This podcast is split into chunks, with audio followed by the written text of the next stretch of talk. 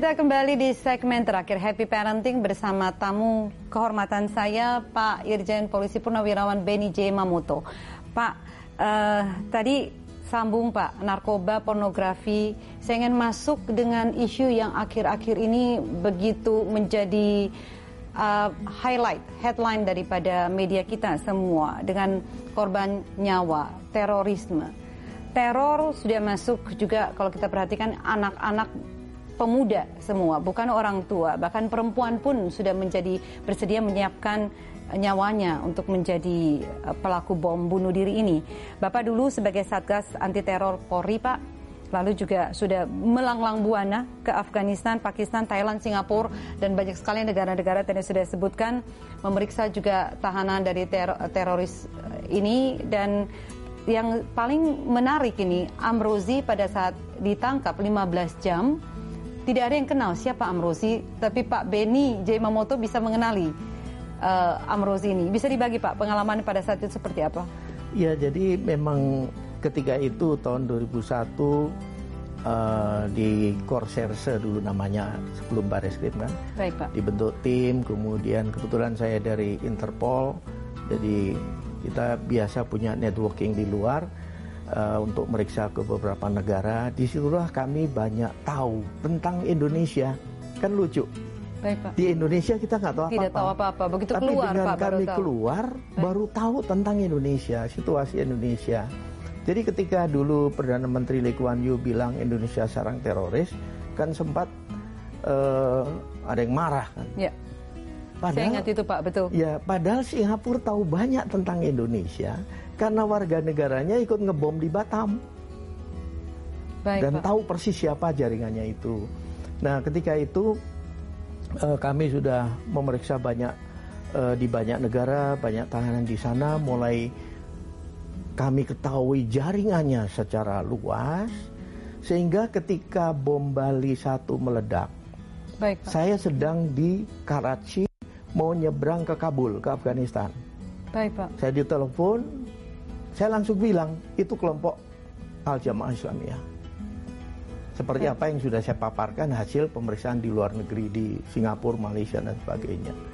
Kemudian saya satu minggu lebih di Kabul, Baik, Pak. pulang langsung bergabung dengan Satgas. Nah ketika itu kami sedang di Jakarta, teman-teman operasi berhasil menangkap Amrozi. Malam-malam saya ditelepon, saya sudah nangkap satu orang ini, namanya Amrozi, tapi nggak ngaku, diam saja. Saya langsung bilang begini, tolong dijaga jangan sampai dia bunuh diri. Dia orang yang pegang kunci. Waduh. Tolong buka laporan saya halaman sekian nomor sekian. Itulah tentang dia.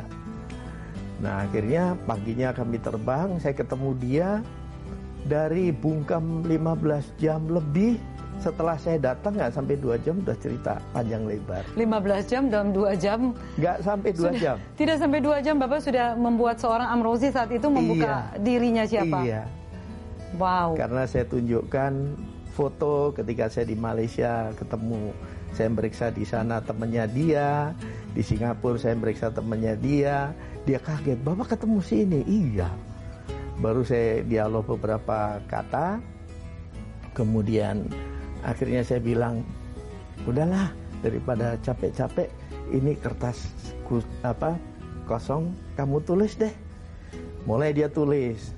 Tulis Dari apa Pak waktu itu? Pengakuan dia. Baik. Tetapi pengakuan dia banyak yang bohong, saya koreksi. Baik.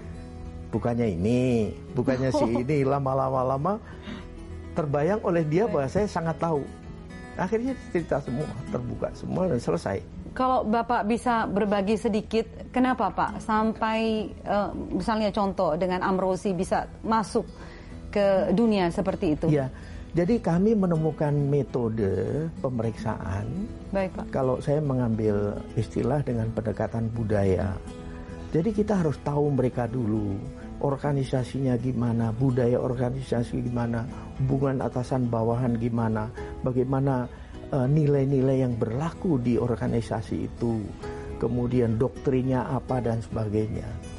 Kemudian ketika kita berdialog dengan dia, perlakukan dia pada posisi yang sesuai persepsi diri dia. Ketika dia mempersepsikan diri sebagai hero, pahlawan. Pak backgroundnya psikolog ya Pak? Wah ini kalah di psikolog nih Pak. Ketika Baik. kita memperlakukan dia seperti persepsi dia, maka yang muncul adalah kebanggaan diri itu keluar. Baik. Dan kita harus akui. Saya sering ngomong sama mereka, kalau Anda jadi Kopassus, hebat.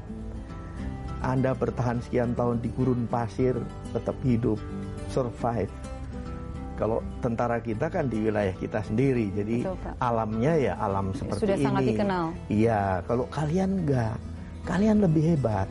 Kita beli bom sudah jadi, kalian merakit sendiri, mm-hmm. kan lebih hebat. Mhm. Bapak angkat dia nah, ya Pak ya.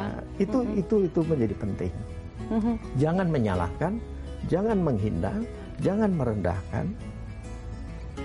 Itu penting. Baik. Baik. Dan tutur kata, sikap ekspresi kita bisa dilihat kita menghargai atau tidak. Mm -hmm.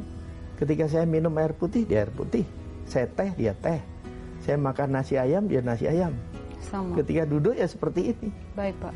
Nah di situlah kemudian eh, kami bisa membangun komunikasi yang baik, membangun trust, sehingga akhirnya yang terjadi adalah dialog diskusi dan dia dengan apa namanya nyaman bercerita mm -hmm. tanpa ada rasa uh, takut karena selalu saya tekankan begini kan bapak udah siap mati tidak pasti nggak akan mengingkari dong apa yang dilakukan mati pun siap lebih-lebih untuk mengakui yeah. cuman keterangan saja yeah. jadi akhirnya dan hubungan kita baik itu yang kami temukan dan itu kami wariskan ke para junior untuk bagaimana memperlakukan, bagaimana menangani secara apa namanya humanis lah. Pendekatan dengan humanis. Iya. iya. Um, kalau belajar, Bapak begitu banyak terlibat narkoba masuk ke dalam, Bapak juga berkecimpung bagaimana pornografi di dalam masuk ke radikalisme dan terorisme. Pesan Bapak untuk keluarga Indonesia, apa yang harus dilakukan orang tua, calon orang tua, guru, pendidik, tokoh-tokoh masyarakat kepada generasi bangsa kita ini, Pak? Jadi pertama kami masuk dulu ke calon orang tua atau calon pasangan dulu lah. Baik, Pak. Uh, Menarik ini Pak, jarang ya. loh Pak narasumber saya bicara tentang calon orang tua. Biasanya fokus langsung ya. keluarga yang sudah jadi. Iya, jadi pesan kami kepada orang tua yang punya anak mau nikah, yakinkan bahwa kedua anak itu sehat, tidak mengonsumsi narkoba, salah Baik. satu atau salah dua. Karena ketika itu terjadi, si anak lahir cacat. Pasti itu. Bapak sudah menyaksikan ya, banyak sekali contoh betul, seperti itu. Itu satu. Kemudian kedua, kepada para orang tua tentunya di era IT saat ini, Baik, Pak. era medsos ini, maka kita harus mengikuti perkembangan yang ada, informasi yang berkembang apa, modus apa dan sebagainya, untuk nanti segera mengkomunikasikan kepada anak-anaknya. Orang tua perlu mengakses, mencari informasinya, kalau perlu merujuk pada narasumber sehingga nanti informasinya tepat disampaikan ke anak. Kemudian kepada uh, anaknya sendiri juga perlu dilakukan pengawasan uh, lebih intensif lagi ya Baik, Pak. dalam konteks pergaulan ini karena uh, mau tidak mau kita tidak tahu apa yang terjadi di kamar dia sedang apa ataupun ketika keluar dia ketemu siapa ini jadi penting. Nah modus akan selalu berkembang sejalan dengan kemajuan teknologi apa pun. Ya. Apakah dalam peredaran narkoba, jenis-jenis narkoba, kemudian seperti apa yang ditemukan kemarin di Kelapa Gading. Baik ya, Pak, kan? itu juga Dan, masuk narkoba ada ya, di dalam ya Pak, yang di tempat juga, uh, pusat kebugaran. Betul, betul. Kemudian mungkin yang perlu saya masukkan juga, ketika kita bekerja sebatas kemampuan, ketika kita ingin memaksakan diri kemudian harus doping dengan narkoba, maka fatal dan akan habislah karier itu.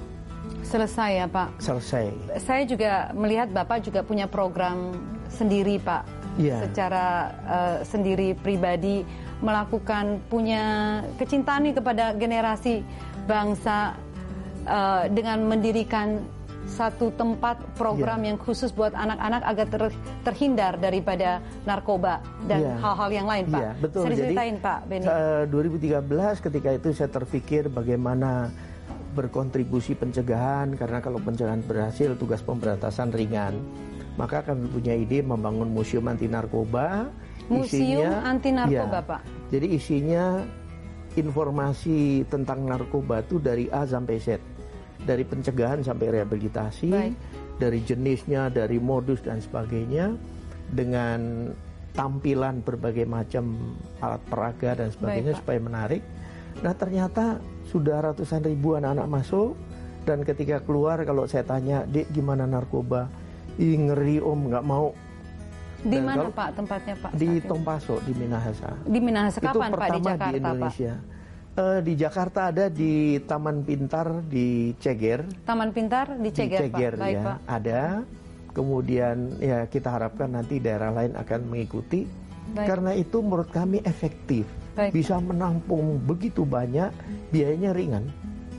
Betul, pencegahan pasti biaya lebih ringan daripada Betul. kuratif Daripada- daripada ya. pengobatan ya Pak. Betul, betul, betul. Mhm. Harapan Bapak Pak dengan program ini apa yang diharapkan? Uh, butuh butuh mungkin bantuan saya siap membantu Pak Beni. Saya berharap bahwa ke depan ini kalau hitungan kami kalau kita Baik. mau bicara bonus demografi, mau bicara Indonesia emas, maka ada 170 penduduk usia produktif yang harus diedukasi. Baik, Itu Pak. diperlukan sekitar 1000 museum anti narkoba se-Indonesia. Nah ini ketika semua bergerak bersama-sama, saya yakin itu bisa terwujud. Gubernur, bupati, wali kota, pengusaha dengan CSR-nya, Semua saya pihak yakin- harus terkait ya saya Pak yakin ya. bisa. Yang kedua, di era IT sekarang tentunya teman-teman yang kreatif bisa membuat narasi-narasi untuk disebar di eh, medsos, Ya, media sosial, Pak. Iya. Untuk nanti itu juga menjadi eh, bahan-bahan pembelajaran seperti contoh temuan jenis baru, wujudnya apa, antisipasinya bagaimana, Setuju, Pak. dan sebagainya. Itu Kami dukung, Pak. efisien. Iya. Sukses Pak Beni untuk program Museum Anti Narkoba ini. Terima kasih. Biar lebih banyak yang nanti menonton acara kita tergerak untuk ikut mendukung. Pak Beni dengan program rumah tadi Taman Pintarnya ya Pak Iya. ya. Jakarta jangan lupa Pak, Iya. undang kita Pak ya di Happy. Parenting. Terima kasih banyak Terima kasih. Pak Beni untuk waktunya. Salam hormat untuk Terima kasih. Menggapai cita-cita bangsa tentu bukan masalah mudah, tapi setidaknya mari kita mulai dengan hal-hal yang kecil yang bisa kita lakukan. Salah satunya adalah dengan tidak menggunakan narkoba dan senantiasa peduli serta mengawasi keluarga dan lingkungan kita untuk selalu menjauhi narkoba. Jadi kita sehat secara jasmani maupun rohani. Mari kita bisa bekerja dan berkarya demi kemajuan bangsa kita Indonesia. Sebelum berpisah, simak tips happy parenting dari saya berikut ini. Beri aku seribu orang tua, maka akan kucabut semeru dari akarnya. Beri aku sepuluh pemuda, maka akan kuguncangkan dunia. Itulah ungkapan Bung Karno yang menggambarkan betapa pentingnya peran pemuda. Generasi muda seharusnya merupakan generasi emas yang dapat melahirkan kemajuan bagi bangsa. Merekalah yang seharusnya mengharumkan nama bangsa dan melestarikan budaya Indonesia. Tetapi kini narkoba menjadi salah satu hambatan kita dalam mengharumkan nama bangsa.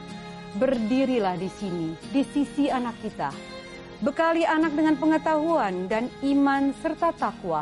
Sadarkan bahwa hidupnya berguna, sehingga mimpinya besar dan positif.